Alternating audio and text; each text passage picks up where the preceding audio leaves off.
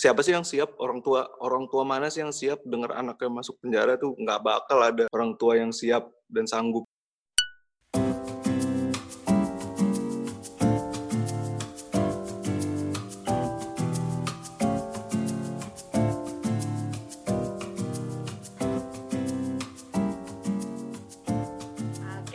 Jadi ini spesial karena dirimu orang pertama kali yang akan ada di episode pertamanya podcast kita. Nama podcastnya ini Sayur Sop. Sop, apa itu sayur sop itu artinya Kalau filosofinya itu awal mulanya, kalau sayur sop itu kan sayur eh, apa macam-macam ya sayurannya. Ada tomat, kalau ada mau tomat, ada wortel, ada buncis, ada kol, ada kentang, dan yang lain-lainnya yang mungkin oh, sosis gitu-gitu kan. Kan banyak eh, campurannya. Tapi ketika dimasak, dicampur-campur, terus ditambahin resep rahasia, lada, put- eh, apa, lada bawang putih, endingnya tuh akan wangi, akan enak, akan bikin orang sehat. Kayak gitu. Jadi harapannya ketika banyak cerita-cerita eh, dari teman-teman sekitar kita, kumpul jadi satu, itu harapannya bisa jadi wangi baru untuk kehidupan orang lain, bikin sehat dari orang Keren. lain, gitu dan bisa tentunya bisa menginspirasi dan bisa ngelihat dari sisi yang lain sih, Bi. jadi nggak hanya sisi yang satu itu aja enggak, tapi bisa lihat dari sisi yang lain juga. Gitu. dari banyak Dan- perspektif ya Betul, betul. Gitu rencana eh, apa tujuannya kenapa bikin podcast ini. Jadi kita mau juga terima kasih sama Abi karena udah mau ngeluangin waktunya. Terus special guest juga karena jadi pertama. gitu, Bi. oh itu sayur sop tuh ada gambar sayur sop seger banget sih Yes. ada baksonya Gitu deh. Oke, kalau balik ke tadi sih, aku Iya. kan eh, baru tahu juga kalau misalkan ternyata dirimu pengguna juga. Aku pikir awalnya itu hanya eh, memproduksi aja gitu, Bi. Nah, itu kenapa sih bisa kepikiran gitu buat eh, buat nanem gitu loh waktu Hmm. itu. Boleh diceritain sedikit nggak? kalau nanam sih sebenarnya sebenarnya kan aku make ganja ini udah lama banget udah dari SMP kelas 3 lah. Sampai kemarin tahun 2018 itu tahun 2018 bulan Juli aku ketangkep. Eh, awalnya itu di 2017 itu aku habis make bijinya ini kan nggak nggak nggak talinting tabu tabuang di halaman rumah halaman kontrakan Hmm. loh terus tumbuh lah Hmm.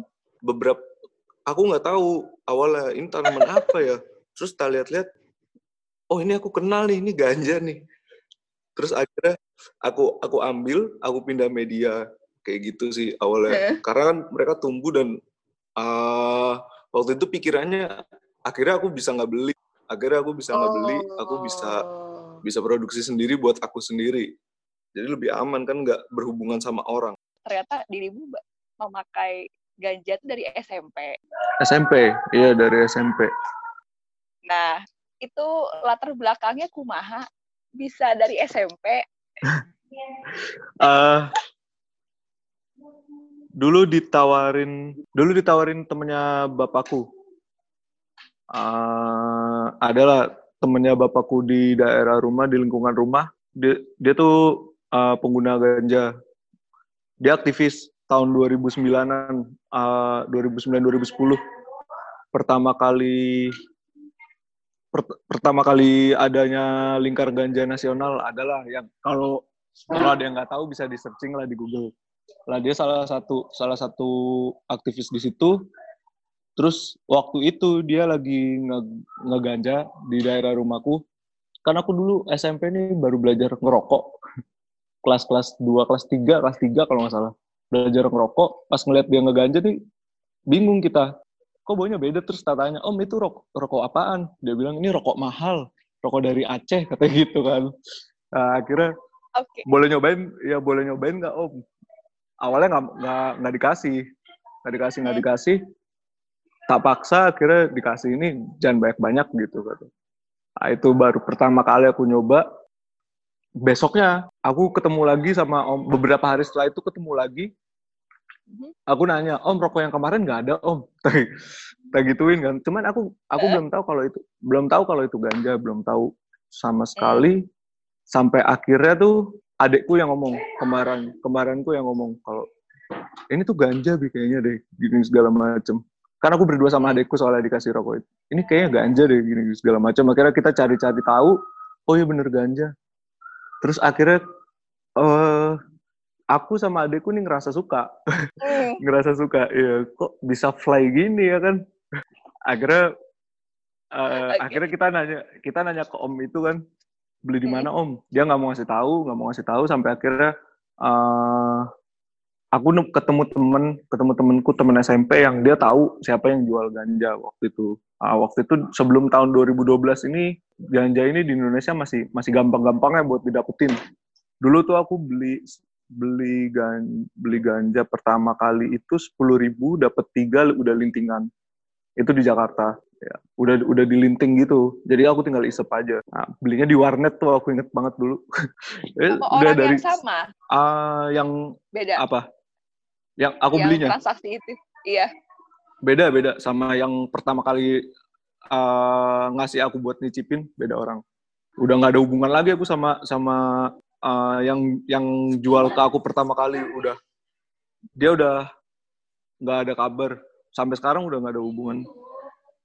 Terus aku baru aku juga baru sadar sih. Maksudnya ah, pas kemarin di dalam lapas tuh kan banyak jenis uh, jujur aja ya di dalam lapas. Mungkin ini udah rahasia umum juga di dalam lapas ini malah banyak narkoba gampang. Gampang buat didapat dan yang aku sadari ini dari lingkungan di sekitarku di dalam lapas ternyata orang nih nggak nggak bisa karena karena misalnya misalnya aku pengguna narkoba gitu. Uh, temanku juga tapi dia sabu aku ganja. Saat aku nyoba nyoba sabu aku ngerasa nggak cocok ini apa nih? Narkoba apa nih? Nggak enak nih. Dia sebaliknya juga uh, dia nyoba ganja juga nggak cocok. Jadi kalau katanya temanku yang di dalam lapas nih bukan narkoba bukan kamu milih narkoba tapi narkoba yang milih kamu. Kamu cocoknya di, di narkoba yang mana dia yang milih. Katanya gitu sih. Nggak tahu juga maksudnya apa kan. Cuman kenyataannya realitanya pas jalan di lapas tuh kayak gitu. Heeh.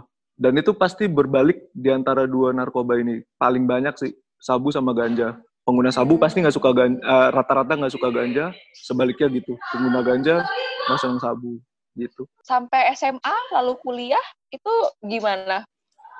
Kuliah kuliah ini sempat berhenti kan karena karena di kota baru kan.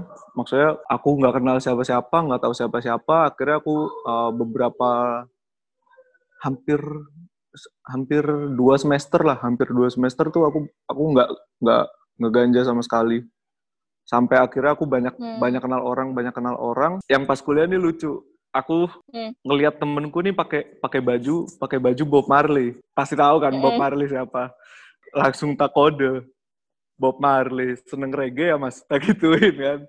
Terus enggak kata dia gitu kan. Oh anu mas seneng teler nggak mas? Tak gituin tak bercandain. Dia ngomong enggak enggak enggak enggak enggak enggak enggak enggak malam malamnya aku malamnya aku dihubungin bi ke kosan Eh. iya bi ke kosanku bi gitu aku datang ke kosannya Eh. terus sama dia ditawarin ini ganja nih mau nggak akhirnya kita akhirnya kita ke ganja bareng Iya, Oke. kode-kodean. Terus eh, sempat kepikiran bisnis ganja juga nggak ketika Ah. sudah kuliah lalu mengenal lebih jauh gitu? Nah sempat kepikiran buat bisnis itu juga. Enggak. Soalnya uh, bukan pencitraan ya. Maksudnya aku nih bukan orang yang pinter berdagang.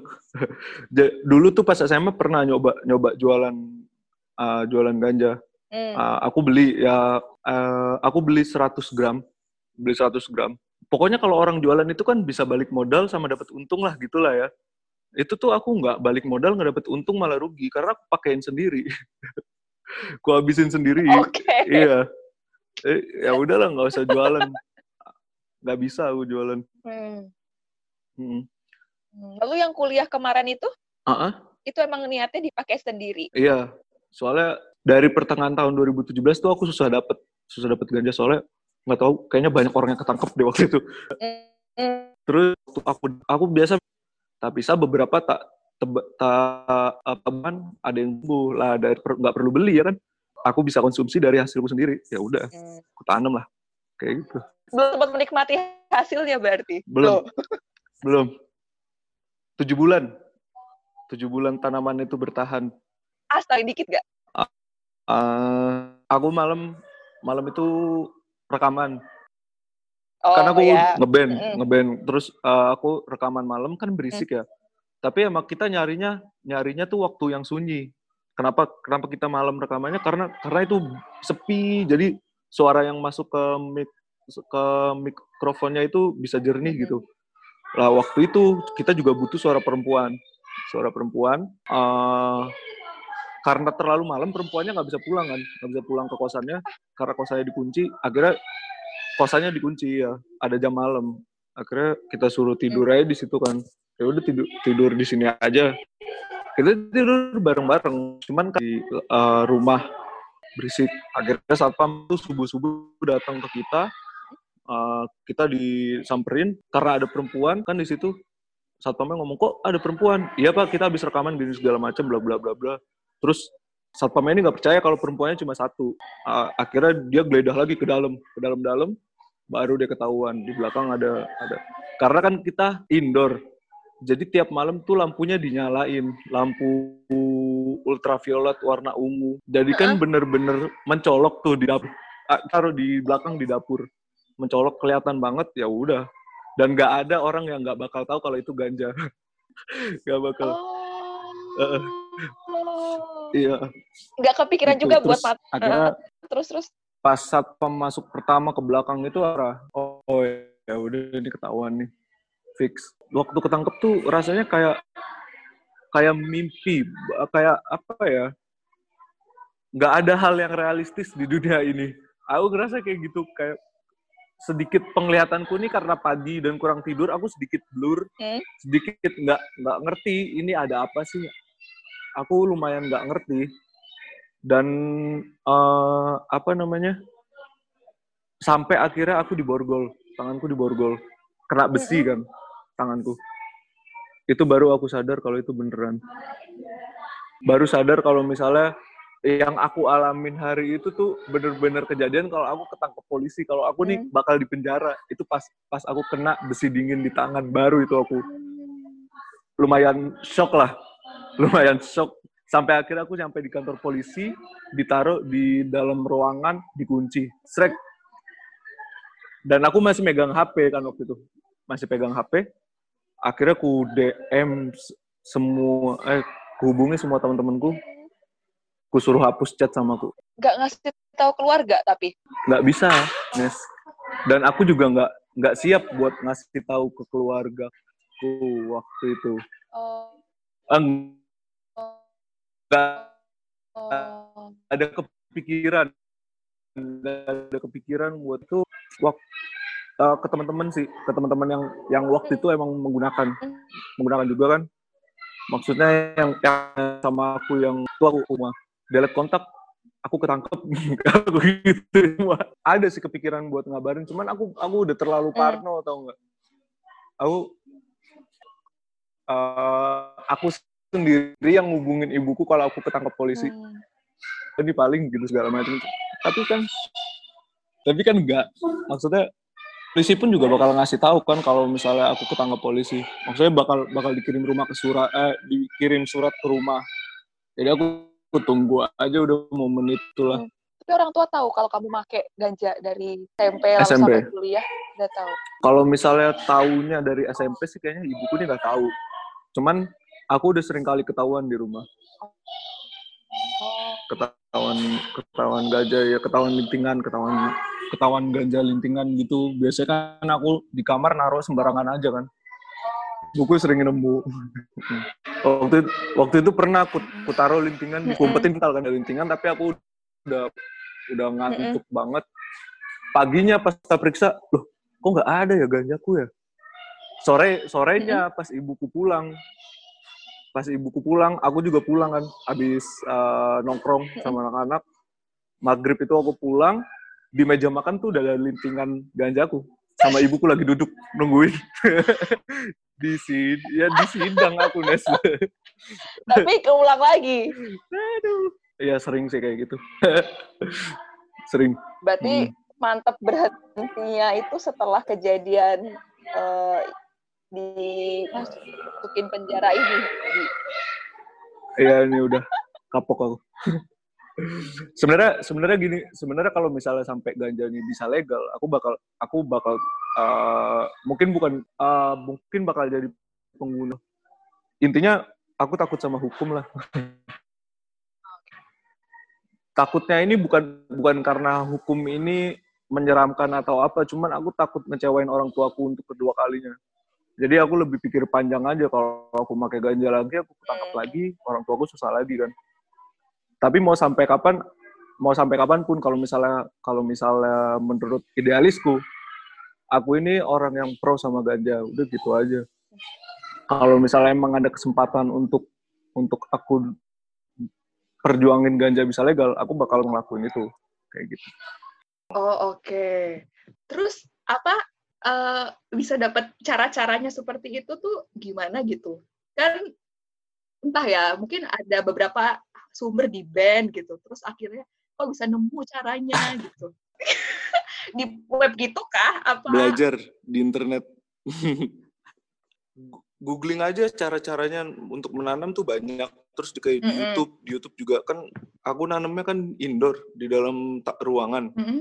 jadi yang uh, jadi waktu itu yang aku dapet tips-tipsnya itu buat buat ruangan ini jadi semacam ekosistem kayak gitu. Jadi aku harus harus perhatiin pencahayaannya terus suhunya terus uh, harus ada angin dan segala macamnya kayak gitu lah. Akhirnya aku praktekkan kayak gitu. Dan berhasil akhirnya aku tanam yang lain. Okay. kalau itu berarti sam sampai berapa? Berapa batang? Uh, yang di awal karena tanaman ini kan tanaman manja sebenarnya.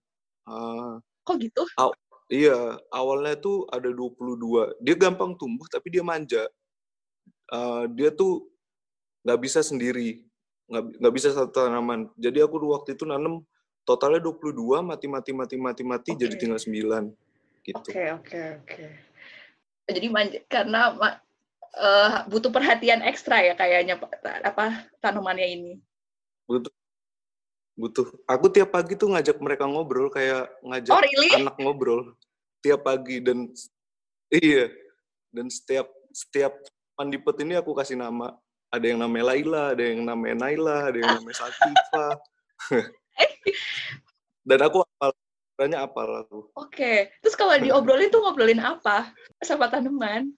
Hmm, lebih banyak sih aku ngom ngomong ke mereka nih uh, cerita cerita kayak misalnya aku semalam bikin lagu ini tapi oh, susah curhat. gitu gitu curhat, iya beneran okay, tapi ini beneran. Beneran.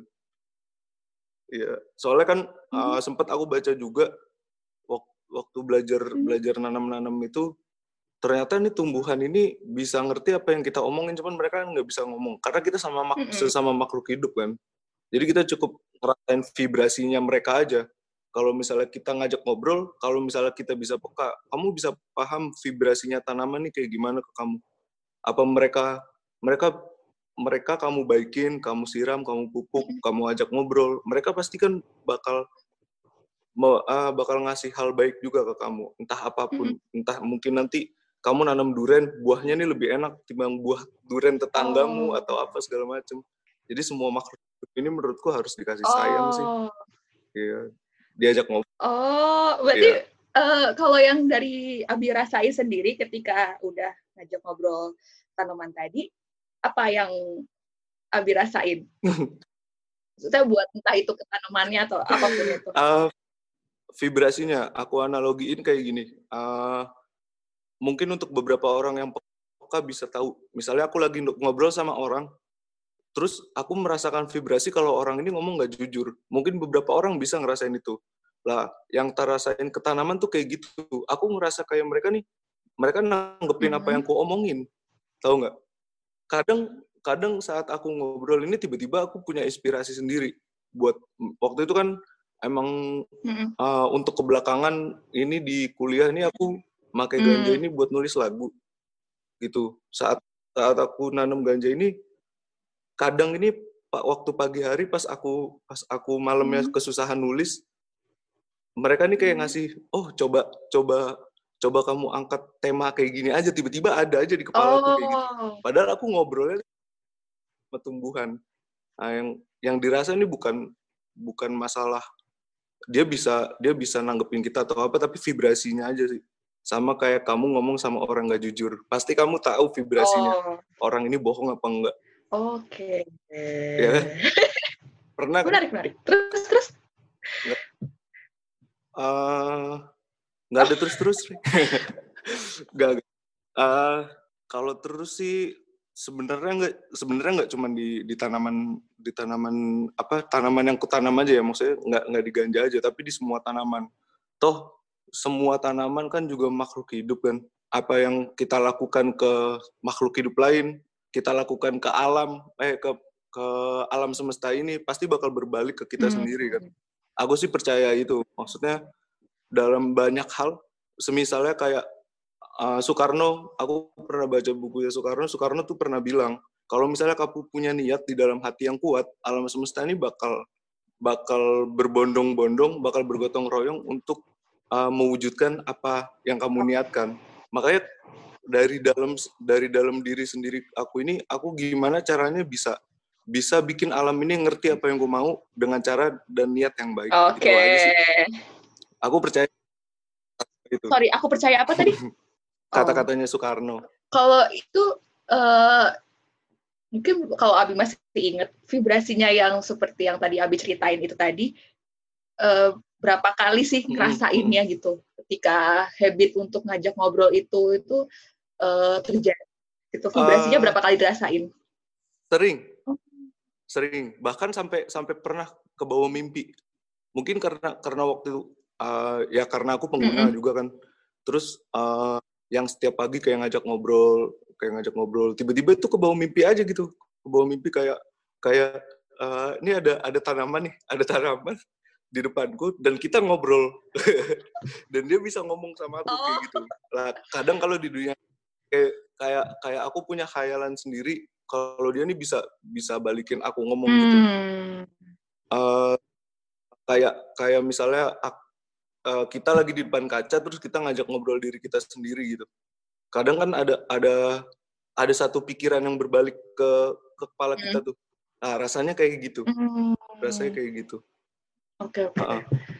Kalau misalkan gini, Bi, kan dirimu waktu itu kan juga pemakai. Eh, apakah itu juga bisa dibilang kayak ini gue dalam keadaan sadar atau halu atau apa ini efek eh, gadget tadi? Itu itu gimana bisa ngebedainnya? soalnya soalnya aku kalau kalau lagi ngerawat tanaman ngajak ngobrol atau apa Mm-mm. segala macem nggak pernah dalam keadaan ngeganja Hmm. aku aku make tuh pasti malam dan itu cuma buat nulis aja sih oh buat nulis buat nulis iya nggak pernah aku make pagi hari mau berangkat kuliah gitu. Lagi nyiram nyiram tanaman nggak pernah. Pasti malam aku makanya. Buat rehat buat istirahat buat apa. Oh, tapi ke- untuk Ah. hmm? gimana gimana? Eh sorry. Tapi waktu untuk ngobrol tadi biar kerasa vibrasinya itu tadi. Nah itu eh, apa namanya? Apakah itu tadi udah Abi udah pernah bilang itu nggak belum pakai dulu kan? Atau udah pas pakai terus belum. Oh belum. Pasti aku sadar baru bangun baru bangun biasanya aku sarapan makan terus aku nyiramin mereka itu sambil ngajak ngobrol. Oh oke oke oke oke oke oke oke. Paham paham paham. Oke nah terus habis itu nih kan akhirnya kamu dipisahkan dengan tanaman Naila lalu siapa tadi? Ya ada Naila ada Naya ada Sativa ya. ada banyak. Itu tadi kan Ada- terpisah. Gimana lah rasanya? Lalu eh, apa yang bis apa yang berubah gitu loh semenjak dipisahkan dari itu semua.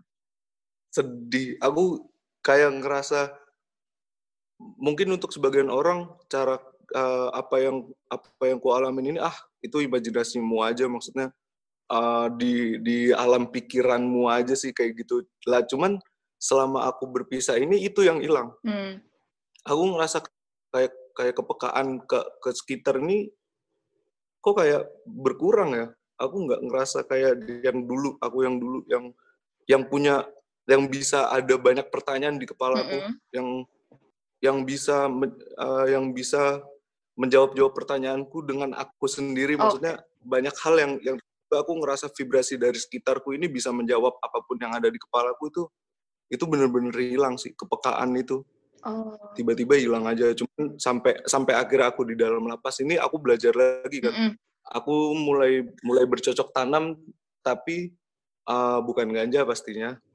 Aku nanam tanaman yang bener nanam tanaman yang bener. Dan aku praktekkan kayak gitu juga sih. Kayak kayak ya tajak ngobrol. Waktu itu aku terakhir ngebonsai Kamboja. Ya kayak gitu setiap pagi tajak ngobrol oh. apa segala macem. Dan Iya, dan mulai lagi muncul lagi. Karena emang kekuatan manusia yang aslinya nih menurutku sendiri pribadi ya dari alam, hmm. nggak ada dari yang lain. Hmm. Dan kita, kita naturalis aku ini. Oke. Okay. Dan kata tadi ketika dilepaskan ke alam maka semesta akan seperti mendukung gitu ya.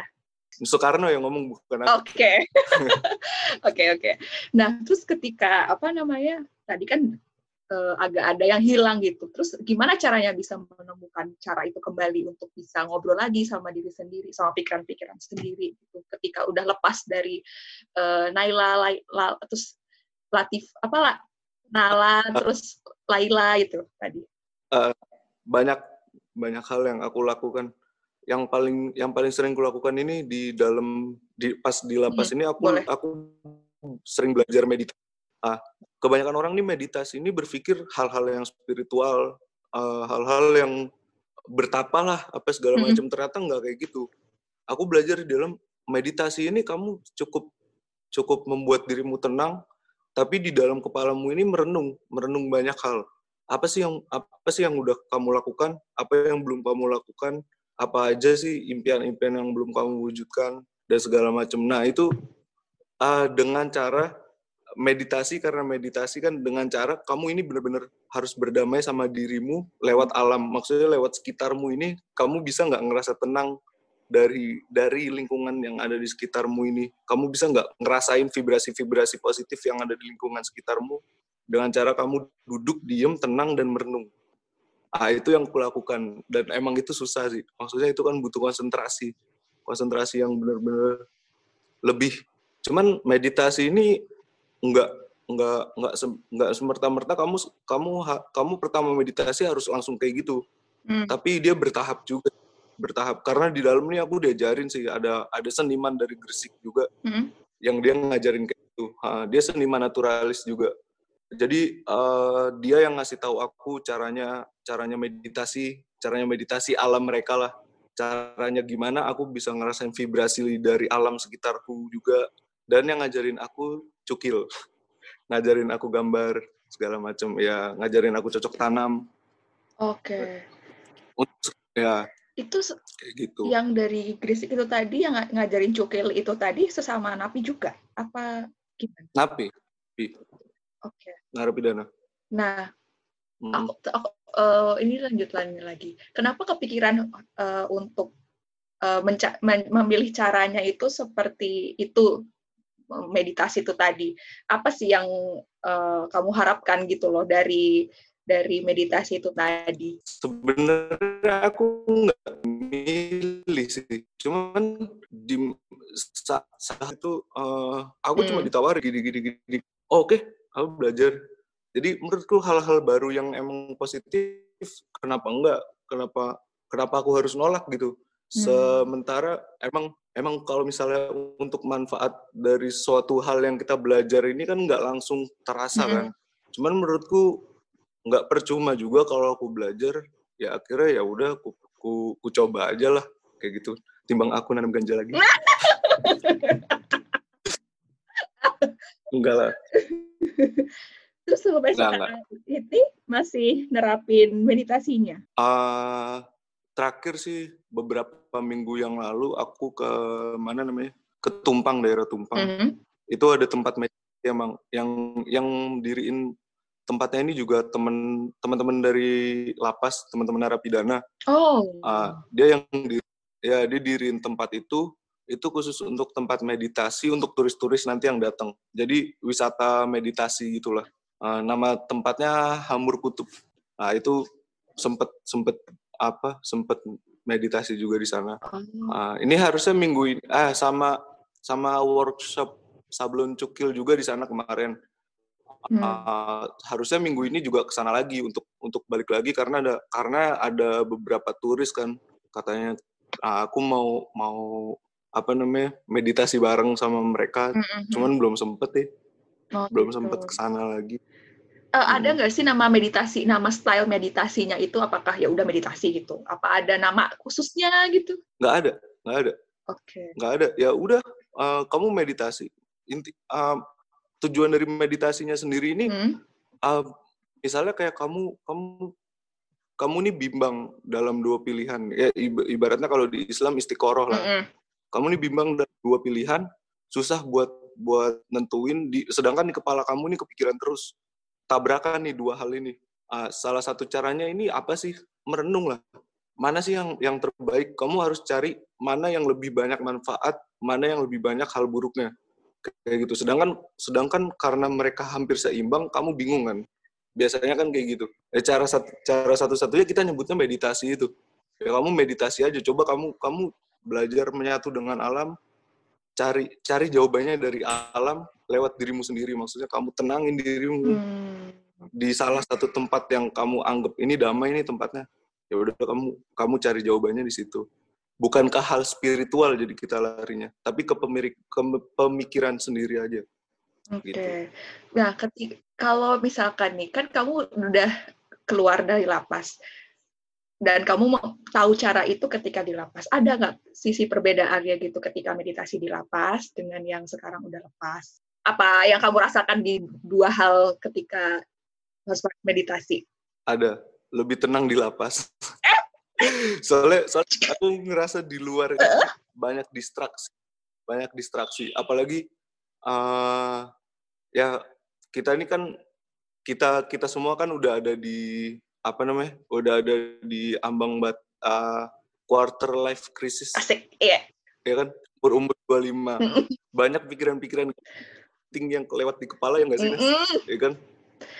Yes. banget kan. Sedangkan sedangkan kalau di dalam lapas mm -hmm. maksudnya tempat itu kan cuma kotak aja. Aku nggak nggak mungkin dapat distraksi lain selain yang ada di dalam situ lingkup situ kan. Sedangkan kalau di luar ini kan ini terlalu luas aku dapat banyak distraksi dari mana pun ah kayak gitu. Aku jadi ngerasa nggak bisa lebih nggak nggak bisa maksimal saat aku di luar. Kecuali kalau emang aku kayak kemarin ke Tumpang daerah Tumpang itu aku bisa lebih ngerasa maksimal aja. Karena jauh dari hiruk pikuk dan segala macam kayak gitu sih. Hmm, ya. justru lebih jadi lebih lapas ya? Ya cuman itu yang bahaya. Kenapa? Jangan sampai ngerasanya uh, pernah nonton film Shawshank Redemption? Belum Pernah. Sejujurnya belum.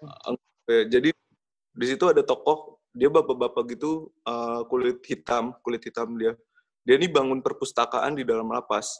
Uh, sampai sam perpustakaannya nih jadi saat dia uh, udah mau menjelang bebas.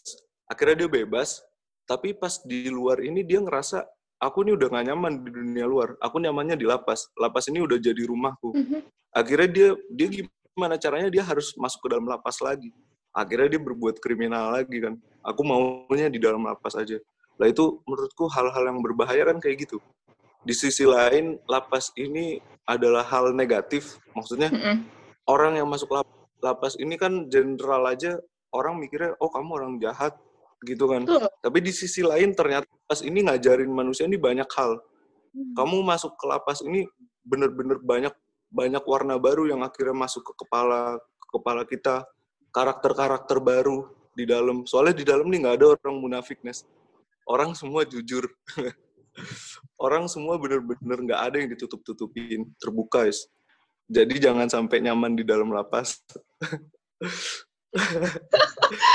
Aku masih agak shock sih kalau misalkan uh, ya mungkin kacamata awam ya Bi karena kan bayanganku sendiri lapas itu kan menyeramkan terus uh, mungkin kita nggak ada yang kenal sama sekali tapi kamu justru melihat sisi yang lain bahwa lebih nyaman ketika berada di lapas.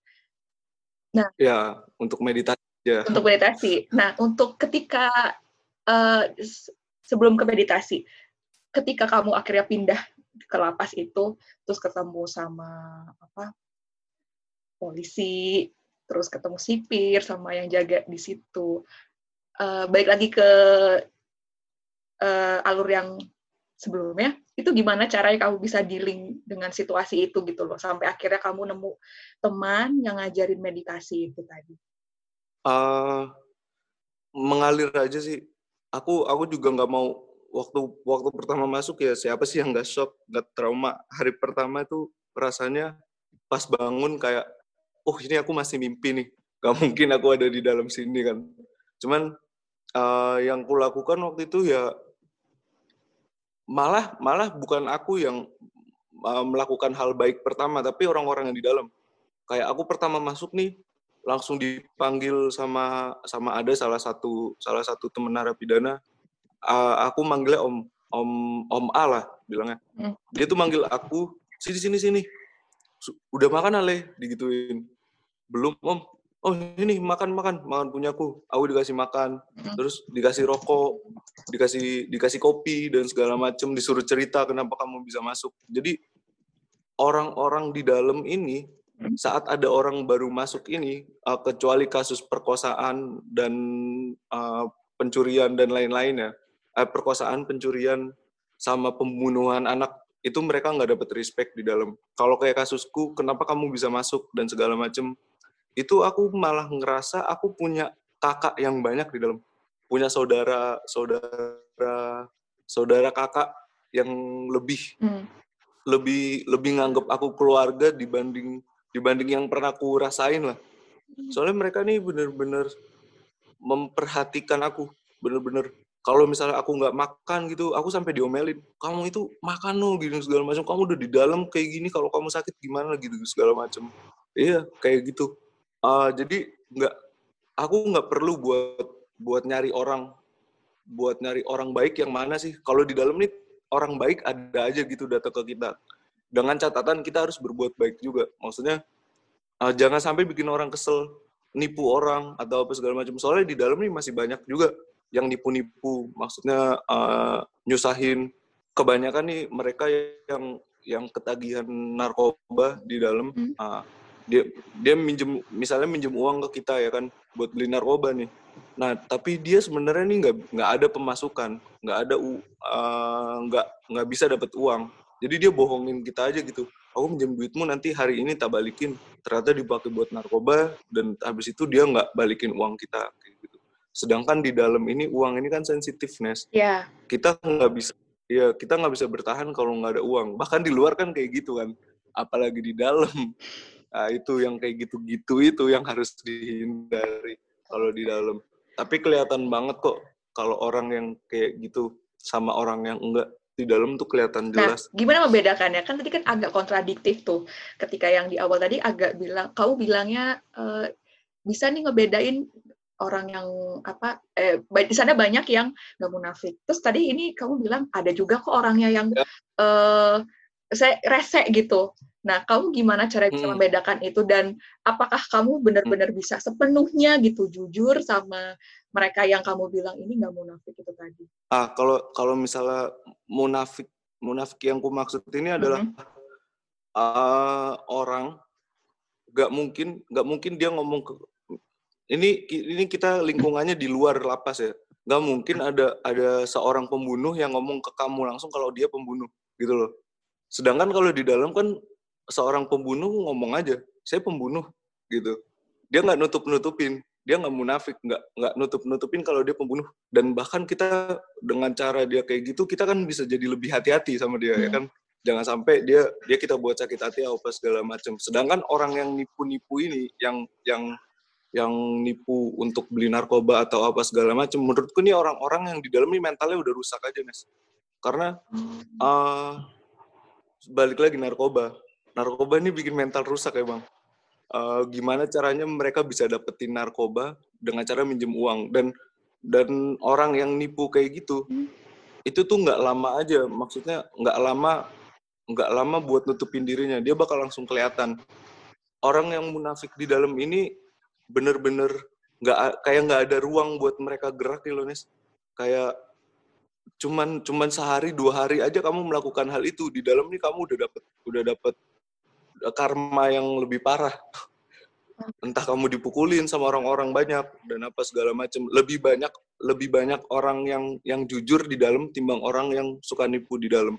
Kayak gitu.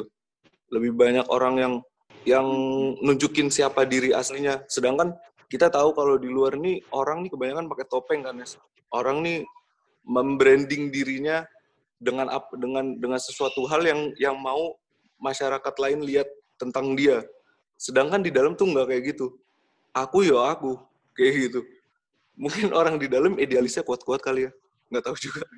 Nah, itu yang yang akhirnya ngebentuk ngebentuk aku dan teman-temanku di dalam yang masuk bareng aku juga. Uh, kalau misalnya ya udah kita nih harus pak waktu kita keluar nih kita harus lempeng, harus uh, jadi laki-laki yang bener kayak gimana sih? Oh kayak gini. Terus harus harus kayak gimana sih? Maksudnya kayak sama lingkungan sekitar, sama alam. Kita udah punya pemikiran masing-masing. Kalau misalnya itu sampai goyang, berarti kan aku aku nggak lempeng, nggak fidek, nggak nggak uh, kalah sama sama sama lingkungan sekitarku kayak gitu. Itu yang yang sampai sekarang nih aku sama temenku selalu saling mengingatkan. Oh, kamu oh. kalau kayak gitu belok loh, Bi. Jangan sampai kayak gitu loh inget tujuan awalmu. Pasti ngomongnya gitu inget tujuan awalmu inget tujuan awalmu. Oke okay, kayak gitu. Itu yang ku pelajarin banget. Gimana caranya nggak nggak gampang goyah. Hmm. jadi orang ngomong apa ya bodo amat terus terus aku pengen tahu tujuan awalnya kamu apa terusan bi? Tujuan awal apa yang kamu makna itu dari tadi? Aku keluar dari dari lapas. Apa pun itu ketika ketika uh, waktu dari boleh apa pun. Tujuan buat di lapas sih cari aman aja. Cari apa namanya uh, cari pengetahuan baru lah. Apa aku nggak tahu apa apa uh, kalau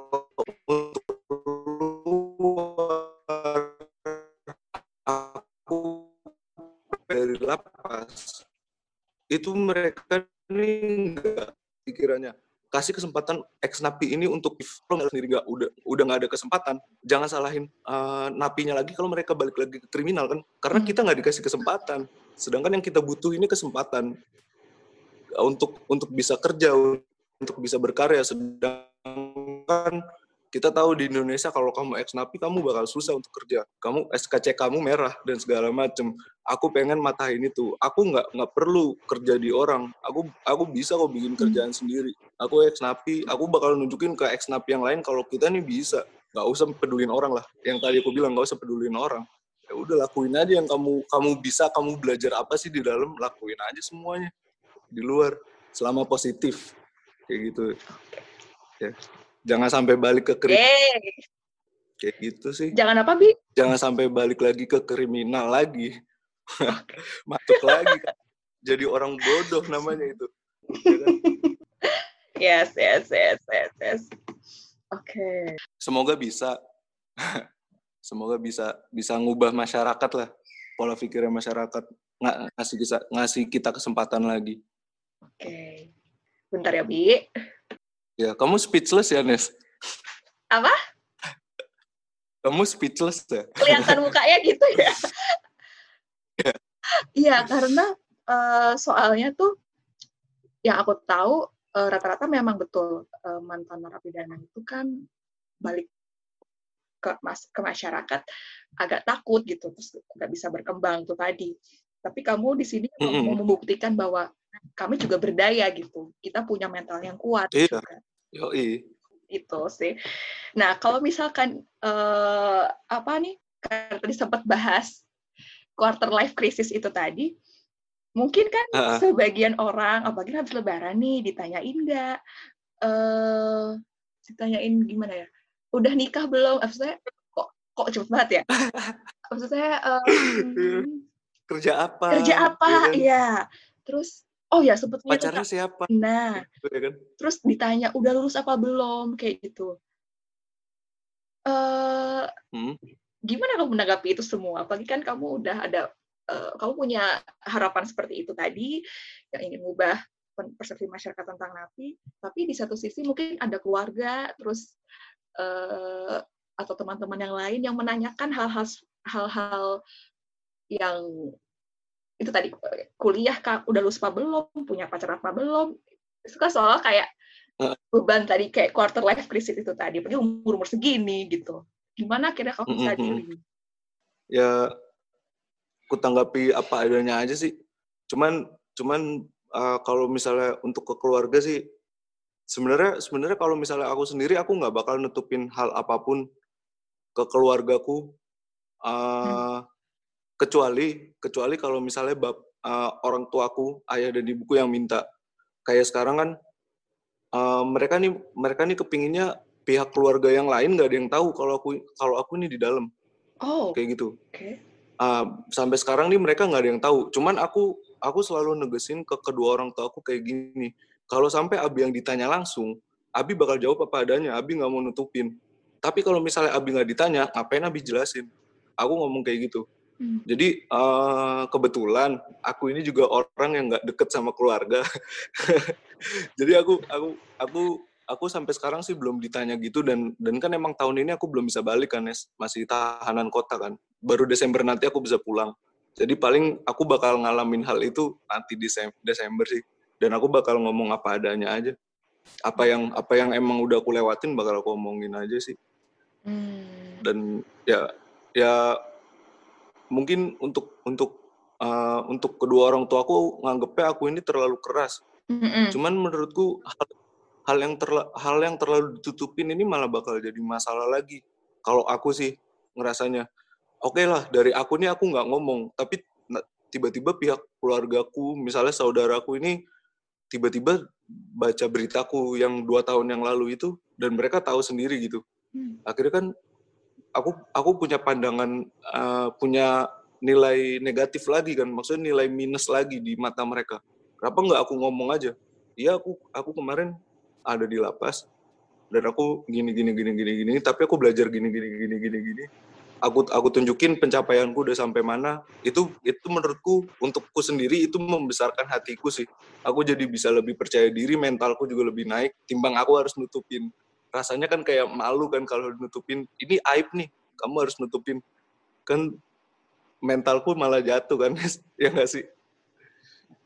Ya nggak? Uh, ya tapi untuk sampai sekarang sih belum ada pihak keluarga yang nanya langsung ke aku jadi aku belum ngomong apa-apa. Belum berhubungan langsung. Hmm, oke. Okay. nah pernah kepikiran nggak? Pasti kan orang tua punya alasan uh, untuk tidak memberitahukan uh, kalau kamu pernah kasus gitu ke keluarga-keluarga, pernah kepikiran nggak sih kenapa kenapa sih orang tua ku menutup-nutupi itu? Pernah kepikiran nggak pandanganmu tentang maksud dibalik orang tua menyembunyikan itu tadi? Malu, malu.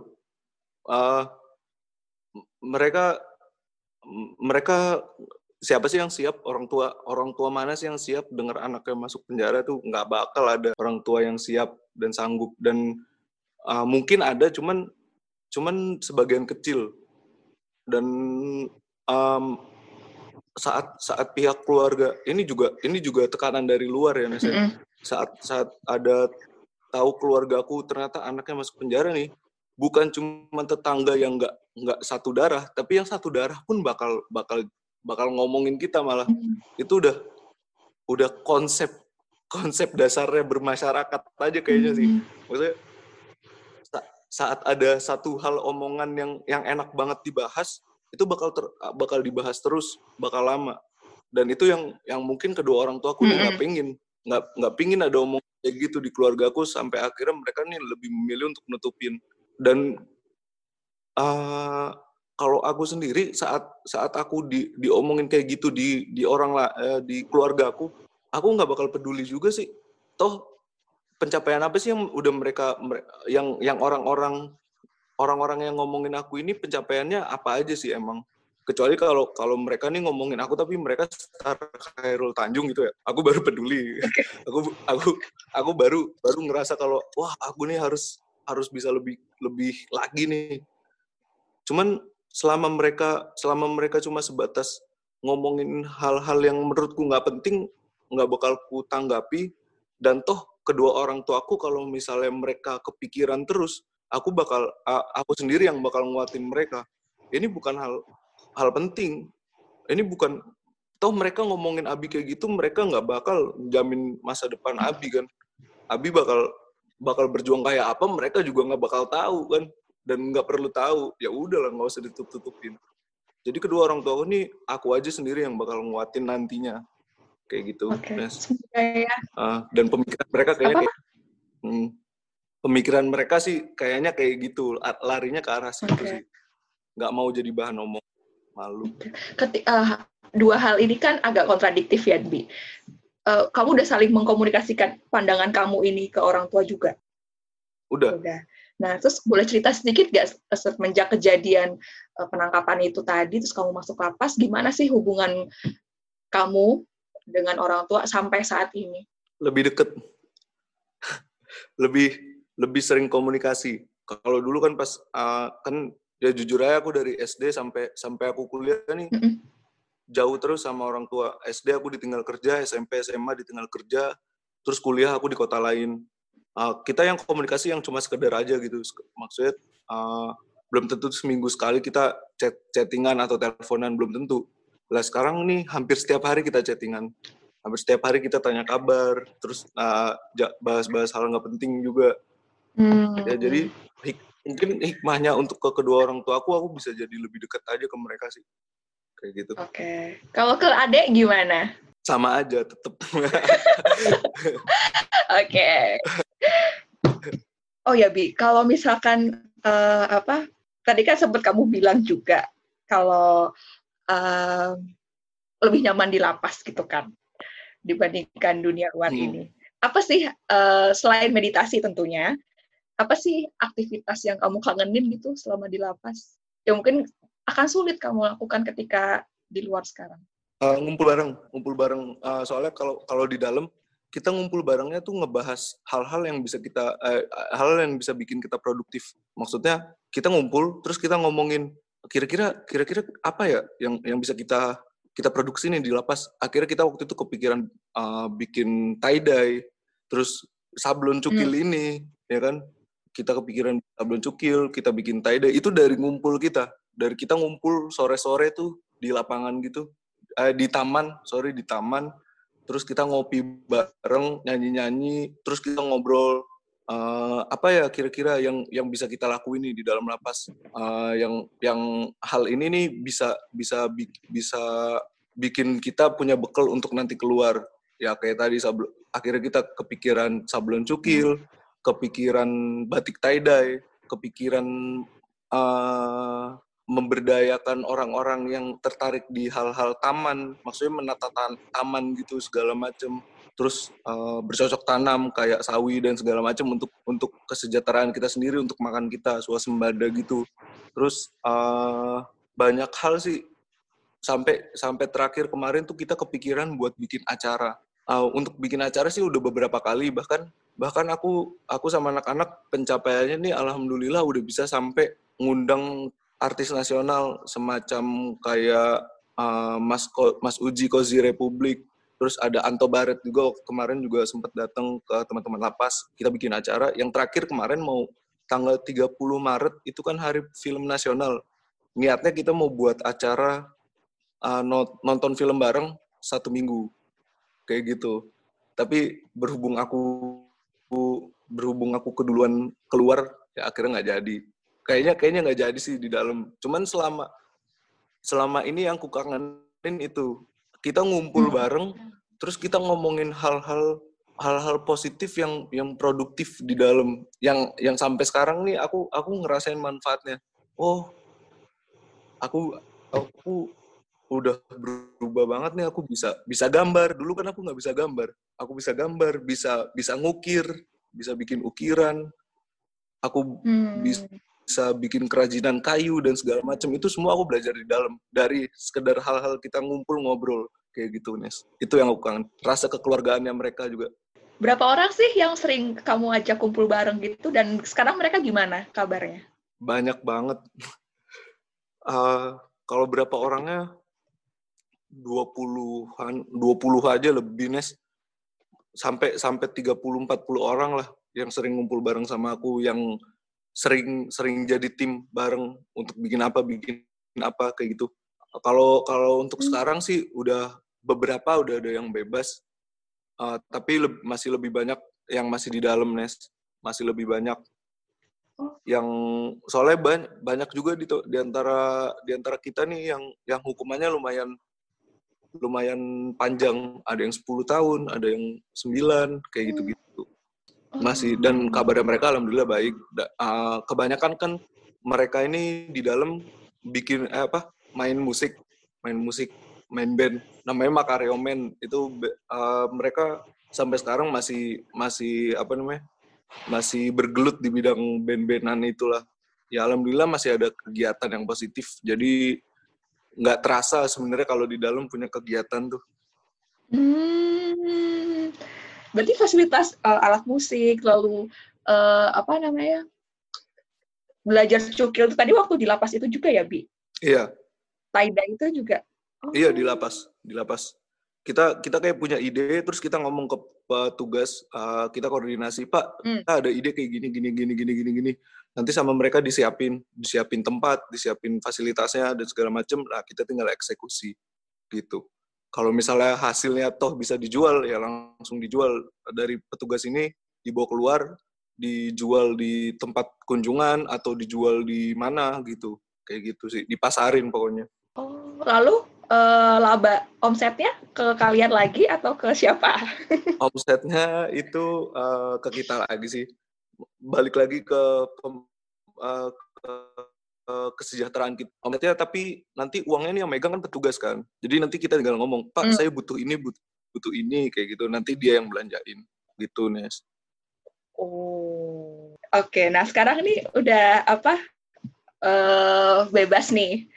Kalau tadi kan tujuan tujuanmu itu eh, biar keluar dari lapas, terus eh, cari selama di lapas cari aman. Nah kalau sekarang lebih ke arah apa, bi? lebih ke arah berjuang yang yang paling yang paling yang paling dasar sih ngebuktiin ke ke orang tua aja dulu sih kalau aku keluar dari lapas nih tetap bisa maksudnya nggak aku nggak mati mentalku ini masih masih masih ada buat bikin hidup yang lebih baik. Temenku. Ya gitu Nes. Oh halo. halo.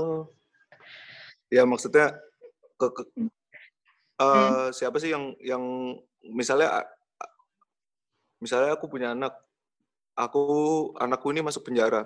Terus aku keluar. Mbak, pasti kan rasa percayanya ini lebih berkurang. Iya. Ya intinya gimana caranya kedua orang tuaku nih kepercayaannya bisa balik lagi ke aku sih dengan cara yang ngebuktiin kalau aku bisa gitu itu yang paling yang paling yang paling deket sih yang pengen ku lakukan pengen ku ya apa ngebalikin kepercayaan kedua orang tuaku lagi Hmm, Kalau jangka panjangnya gimana? Oh ya, oke oke. Sorry sorry. Kalau jangka panjangnya? kalau jangka jangka panjang nanti aja Nes Oh. jangka panjangnya bertahap kalau ke Tapi teman-teman kalau mainnya apa? Hmm? Hmm, Oke deh. Enggak, lanjut lanjut. Kayak sinyal deh ini. Hmm. Kenapa kalau ke teman-teman? Ya. Kalau ke teman-teman sih s- sampai selama ini sih nggak ada sih teman-teman yang yang yang ngejudge aku kayak gimana gimana. Maksudnya mereka tetap nerima aku biasa kayak abi biasanya lah kayak gimana sih kayak gitu. Cuman mungkin ada beberapa orang yang yang memperlakukan aku ini akhirnya berbeda gitu. Maksudnya kayak eh mungkin mereka punya rasa kasihan yang lebih gitu ya punya rasa iba akhirnya Hmm. kayak eh, kayak omongannya lebih ngejaga ke aku dan segala macam padahal padahal ya harusnya biasa aja gitu kebanyakan teman-temanku sih tapi nggak nggak ada stereotip yang sama kayak masyarakat lain yang ngejudge ngejudge ex napi kayak gimana apa apa segala macam cuman ya biasa wes biasa. Aku disambut lagi eh, disambut lagi kayak biasanya kayak dulu. Kalau mereka mereka lagi ngumpul bareng aku ya tetap diajak kayak gitu sih. Nggak. Oh, oke oke oke. Tadi kenapa sih nggak mau ngasih tahu tujuan ke depannya yang jangka panjang? soalnya soalnya kalau tujuan jangka panjang ini uh, tujuan tujuan jangka panjangku sih belum belum terlalu kepikiran banget nih maksudnya setelah hmm. setelah aku keluar nih yang yang aku fokus ini nata hidupku aja dulu kan. Aku ngerasa aku keluar seret ini aku mulai dari nol lagi nih dari bawah lagi. Aku belum belum kepikiran nanti di di nanti ini aku bakal kayak gimana atau apa segala macem udah ada sih kepikiran udah ada kepikiran cuman menurutku ini hal yang hal yang yang belum perlu share, belum perlu di sharing lah belum belum oh, ya okay. belum matang soalnya oke okay. ya. oke oke iya. eh, ini sih Bi karena baru-baru ini juga ada salah satu artis juga nih yang kasus juga yeah. kebetulan sama case-nya. Uh, Kalau tanggapan dari kamu gimana? Uh, kalau aku sih bener katanya dia. Uh, dia nih dia nih bukan hmm. bukan orang jahat, bukan kriminal, bukan pembunuh, bukan apa pun. Dia korban. Uh, si si artis ini dia nih korban. Buk, bukan bukan bukan caranya kalau masyarakat malah menghakimi, tapi kasih support lah. Uh, toh kalau misalnya emang kalau misalnya emang masyarakat bisa lebih terbuka, bahkan negara ini bisa lebih terbuka, ternyata ternyata uh, uh, yang dia gunakan ini ternyata nggak seberbahaya itu. Kalau misalnya kita kita bisa ngebuktiin dengan penelitian dan segala macam, mungkin mungkin masyarakat punya pandangan yang lebih terbuka lagi ya. Cuman aku sih pengen ngingetin lagi, balik lagi ke balik lagi ke masyarakatnya. Hal kayak gini nih bukan bukan bukan waktunya kita untuk untuk menjatuhkan menjatuhkan orang yang kena kena kasus kayak gini, tapi gimana caranya kita nih bisa support mereka? Soalnya setelah setelah yang aku rasain setelah keluar dari dari dari penjara emang mental mentalnya kita nih malah uh, jatuh sih bener-bener jatuh apalagi kalau misalnya masyarakat nambah-nambahin kan.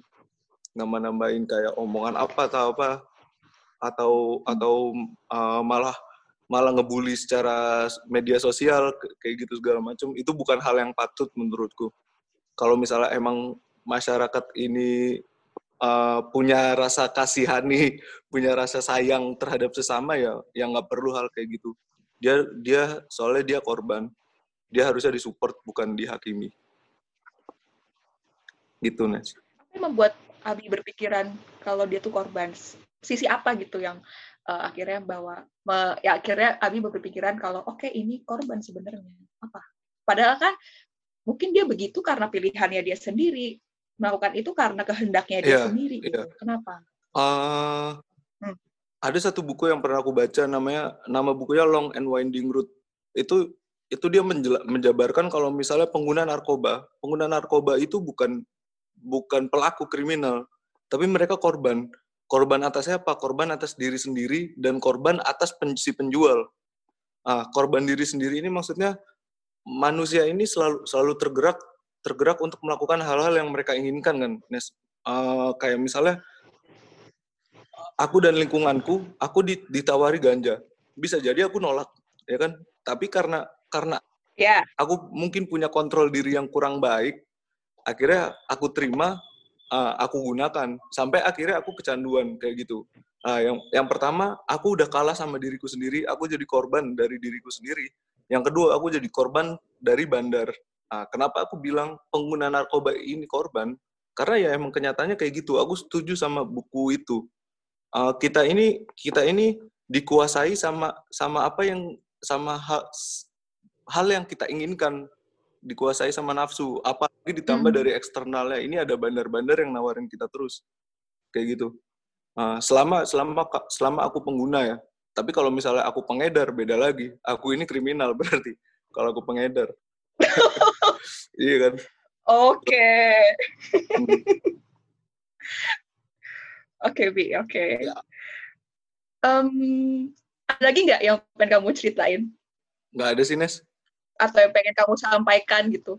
Yang mungkin Sampai, buat aku juga aku sampaikan sih buat teman-teman yang lain uh, itu aja sih maksudnya uh, selama selama orang nggak tahu nggak tahu gimana sih uh, gimana sih orang-orang yang yang pernah masuk lapas apa apa aja sih yang udah mereka alamin dan segala macam ya. Selama kalian uh, orang-orang uh, yang nanti denger ini kalian ini belum tahu apa-apa jangan jangan dengan mudah menghakimi atau menjudge mereka. Karena itu berpengaruh banget sama mentalnya mereka. Mereka jadi nggak bisa berkembang jadi nggak tahu harus apa akhirnya balik lagi ke kriminal. Akhirnya menciptakan menciptakan dunia kriminal ini adalah masyarakatnya sendiri kan balik lagi. Dark side ini akhirnya yang menciptakan menciptakan orang-orang yang seperti itu. Kayak gitu. Jadi jangan jangan mudah untuk untuk ngejudge orang untuk ngehakimin orang tapi support lah orang-orang yang yang baru keluar dari penjara mungkin jadi ex napi harusnya kalian support kalian kalian beri wadah kalau bisa kayak gitu sih Nes jangan jangan malah di okay. itu ini hmm. pertanyaan terakhir sih. Semoga terakhir ya. Tapi nggak tahu kalau misalkan nanti jawabanmu mau aku kulik lagi. Oke. Okay. Ya. Nggak apa-apa. Nah, Bi, ini tolong lanjutin kalimat yang akan aku yang akan aku ucapkan. Tapi kamu mikir dulu boleh. Jadi nggak langsung gitu, nggak apa-apa. Oke. Okay.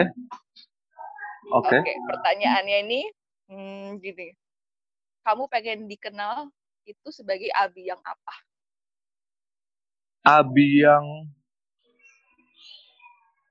aku pengen dikenal sebagai Abi yang apa adanya. Abi yang apa adanya, ya kamu tau lah apa adanya tuh apa maksudnya. Ya ini aku, aku ngelakuin kayak gini karena emang aku Abi. Aku melakukan hal bodoh ya emang karena aku Abi. Atau aku aku ngelakuin ngelakuin apa yang orang-orang pikir kok aneh banget sih. Ya karena aku abi gitu. Maksudnya aku nggak mau sampai orang-orang ini berharap lebih dari aku. Aku mau ngelakuin jadi aku apa adanya aja.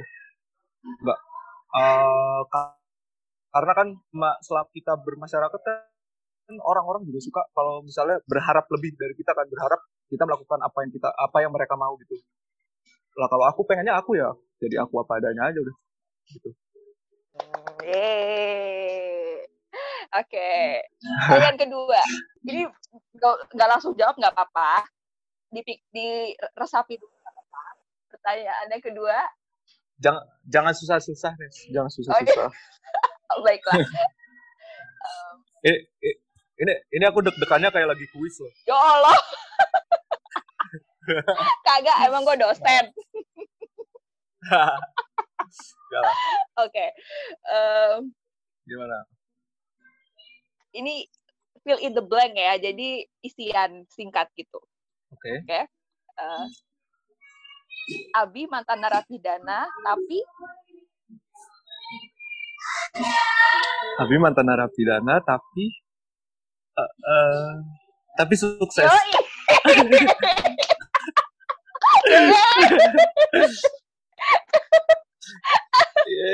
boleh, boleh, boleh, boleh, boleh, boleh, boleh. Oke. Iya. mantap, mantap, mantap, mantap. Mau diubah jawabannya? Apa tetap? Enggak. Enggak. Omongan kan doa kan, Amin, betul. Itu betul. Amin. Itu betul. Itu betul banget. Nah, terakhir nih, Bi. Hmm, pesan-pesanmu apa buat uh, teman-teman kita yang seumuran, yang mungkin di bawah kita dua tahun atau setahun. Intinya buat anak muda leh. Aku ada pesan nggak buat? Pesan-pesan buat anak muda ya. Uh, Sebenarnya ini hal yang yang aku evaluasi dari aku sendiri sih. Uh, sama kehidupanku yang sebelumnya. Uh, pesannya itu jangan buang waktu. Maksudnya aset aset manusia apalagi sih kalau bukan masa muda kan. Jadi jangan buang waktu muda itu cuman ya mungkin nongkrong-nongkrong ngopi-ngopi nggak jelas atau mabuk-mabukan tapi isi waktu sebagai anak muda yang produktif lah. Anak muda yang uh, bisa bikin at least lingkungan paling sederhana alias keluarga ini bangga maksudnya kamu bisa menghasilkan sesuatu bisa mendapatkan sesuatu dari hasil hasil yang kamu buat itu udah uh, jadi nilai paling tinggi menurutku sebagai anak muda. Jadi jangan sampai buang waktu kalian lah untuk anak muda anak muda Indonesia. Yay! Yay! ya. Oke. Ada lagi mungkin Bi yang mau disampaikan? Ya. Di itu, Nes. Selain buat anak muda mungkin Kenapa? buat orang tua atau buat polisi mungkin atau buat teman-teman yang masih di masih bang Aduh, buat polisi. uh, uh, kalau buat buat buat buat orang tua buat orang tua atau polisi mungkin hmm. uh, enggak lah ya. Terlalu sensitif mungkin aku ngasih pesan ke mereka. Sedangkan mereka kan at least lebih lebih hmm, pengalaman betul. dibanding kita. Uh, untuk teman-teman untuk teman-teman narapidana yang lain aja yang mungkin bisa mendengarkan atau ada fasilitas. napi juga boleh ya? Atau mantan mantan mantan mantan narapidana yang lain sih jangan sampai jangan sampai ada pikiran kalau misalnya kalian ini udah nggak bisa apa-apa di luar. Maksudnya jangan sampai ada mental kalau kalian ini udah kalah. Soalnya banyak menurutku banyak ilmu yang yang bakal kita dapetin saat kita ada di dalam lapas. Uh, termasuk aku. Aku dapet punya banyak ilmu banget dari lapas. Karena yang kurasa nih di kampus pun aku nggak bisa dapet ilmu-ilmu hidup atau apa pun. Tapi pas di lapas nih aku bisa dapat banyak ilmu tentang kehidupan tentang sosial tentang karakter-karakter orang. Ataupun kayak sekarang aku bisa uh, ngerjain kerajinan-kerajinan itu aku semua dapat dari lapas. Hmm. dan intinya nggak uh, ada nggak ada sekolahan yang yang bisa ngajarin kita ilmu hidup di mana pun entah itu di kampus entah itu di SMA di SMP di SD nggak ada yang yang ngajarin kita uh, karakter cara ngadepin orang dengan karakter kak yang banyak warnanya. Tapi kalau di lapas nih aku aku dapat banget uh, banyak pelajaran dari mulai dari mulai uh, karakter-karakter orang dan lain segala macam dan aku juga dapat banyak pelajaran untuk kreativitas juga. Maksudnya kan uh, mengasah skillku kayak aku gam aku sekarang bisa gambar aku bisa bisa bikin apa carve art saat cukil sablon cukil itu hmm aku bisa bikin kerajinan kayu dan segala macam. Jadi untuk untuk teman-teman mantan napi yang lain, menurutku jangan sampai deh kalau mental atau ngerasa kalau misalnya kalian kecil, karena semakin kalian jatuh terlalu terlalu dalam, kalian berarti kan lebih kuat lagi buat manjak paling atas, ya kan? Jangan sampai mentalnya kalah okay. Untuk teman-teman napi. Okay. Yeay. Yeay. Oke, Abi. Ya, Agnes. Terima kasih banyak. Ilham. Udah nyuangin waktunya. Sama-sama. Udah mau berbagi mm -mm. sama kami okay. ini. Oke. Okay. Siap. Oke. Okay.